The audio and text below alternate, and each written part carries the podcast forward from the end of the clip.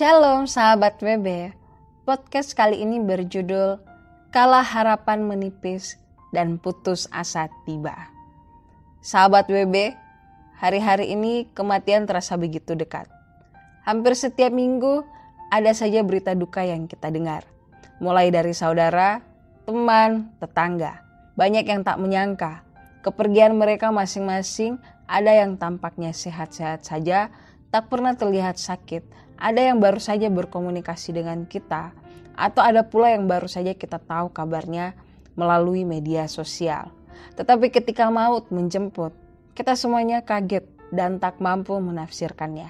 Dalam situasi seperti ini, masihkah kita merasakan Tuhan itu tetap dekat? Ataukah dia terasa begitu jauh hingga sulit sekali direngkuh?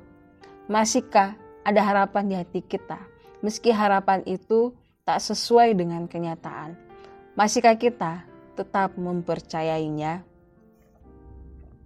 Suatu kali, setelah Yesus mengalami perdebatan sengit dengan orang Farisi dan ahli-ahli Taurat, dia memilih untuk menyingkir ke wilayah Tirus dan Sidon.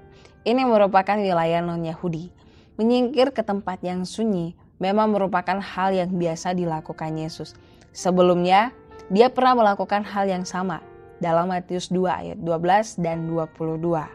Dengan menyendiri sesaat, Yesus beralih fokus dari konfrontasi dengan mereka yang memusuhinya.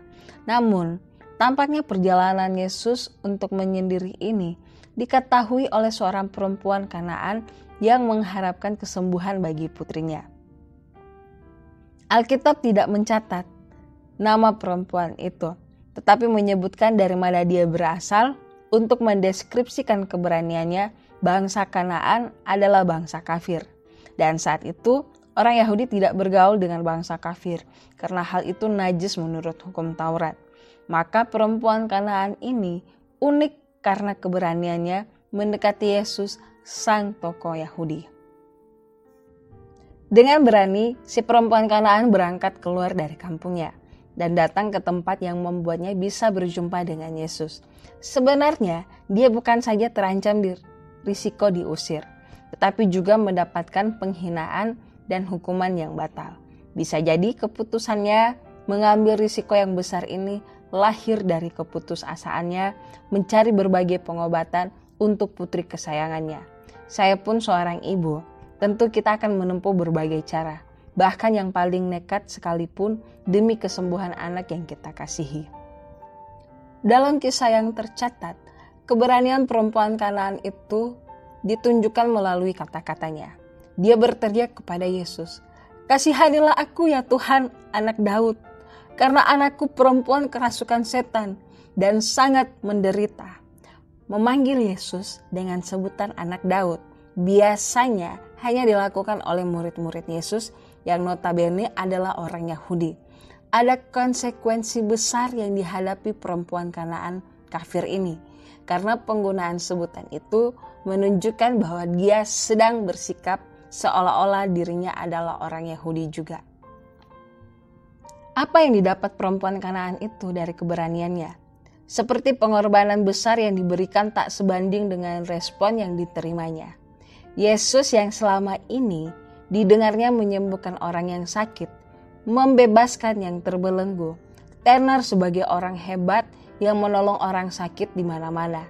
Ternyata menolak permintaannya bahkan meskipun didesak oleh para murid agar Yesus segera memenuhi permintaannya itu. Yesus tetap saja menutup mulut. Menyerahkah perempuan itu? Sikap diam Yesus rupanya tak menghentikan langkah perempuan Kanaan itu. Dia bahkan mengemis agar Yesus menolongnya. Tuhan, tolonglah aku.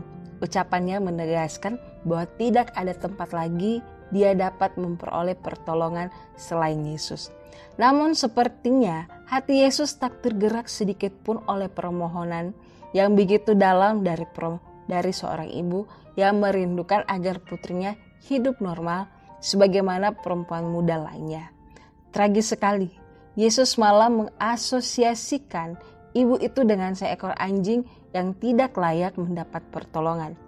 Tidak patut mengambil roti yang disediakan bagi anak-anak dan melemparkannya kepada anjing. Matius 15 ayat 26. Sekarang, menyerahkan perempuan itu alih-alih tersinggung atau pergi, dia malah menyadari betul kebenaran pernyataan Yesus itu. Memang merupakan kebiasaan bagi orang Yahudi untuk menyebut orang bukan Yahudi sebagai anjing. Benar Tuhan, namun anjing itu makan rumah-rumah yang jatuh dari meja tuannya. Matius 25 ayat 27. Dia tidak lagi berpura-pura menjadi orang Yahudi. Dia kini mengakui bahwa dirinya memang non-Yahudi, tetapi sekaligus menyatakan dia percaya bahwa Yesus memiliki otoritas atas masalah anak perempuannya yang kerasukan setan. Akhir kisahnya menyentuh hati saya sebagai seorang perempuan. Ibu ini yang mungkin telah lelah berjuang ke sana kemari mencari cara agar anaknya yang sakit bisa disembuhkan. Mendapat jawaban yang sangat pribadi dari Yesus, Yesus menjawab, "Hai ibu," dengan menyebut identitas hati perempuan Kanaan yang tengah putus asa itu. Yesus mengerti betul beban yang dihadapinya sebagai seorang ibu. Selanjutnya Yesus berkata kepada sang ibu, "Besar imanmu." Kata-kata pujian terhadap iman semacam ini hanya diucapkan Yesus dua kali, dan keduanya ditujukan kepada orang non-Yahudi, seorang perwira di Kapernaum, dan perempuan Kanaan dalam kisah ini. Tercatat di kelanjutan kisahnya, maka seketika itu juga anaknya sembuh. Yesus tidak diam, Yesus peduli. Yesus menyembuhkan anak perempuan Kanaan itu dari jarak jauh.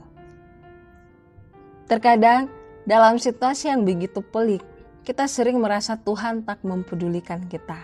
Bahkan semakin kita memohon kepadanya, kita mungkin merasa dia seolah makin menjauh dan kian tak terjangkau oleh seruan doa kita. Ketika sahabat WB mengalami yang demikian, ingatlah kisah perempuan Kanaan. Ada kalanya Tuhan mengizinkan iman kita diuji agar terbukti murni dan kita bertumbuh dewasa dalam iman.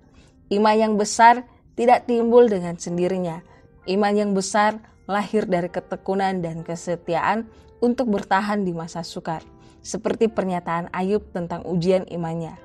Karena dia tahu jalan hidupku, seandainya dia menguji aku, aku akan timbul seperti emas. Ayub 23 ayat 10.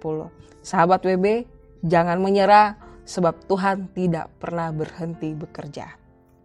Dari kisah ini ada tiga pertanyaan refleksi yang pertama, pergumulan apakah yang sedang kita hadapi sekarang ini? Yang kedua, bagaimana cara sahabat WB berespon terhadap pergumulan? Masihkah kita berpegang pada janji Tuhan? Yang ketiga, dalam proses mengalami pergumulan, bagaimana kondisi iman kita? Apakah iman kita sudah dan tetap bertumbuh di dalam Tuhan? Puji Tuhan, terima kasih sahabat BB. Shalom, Tuhan Yesus memberkati.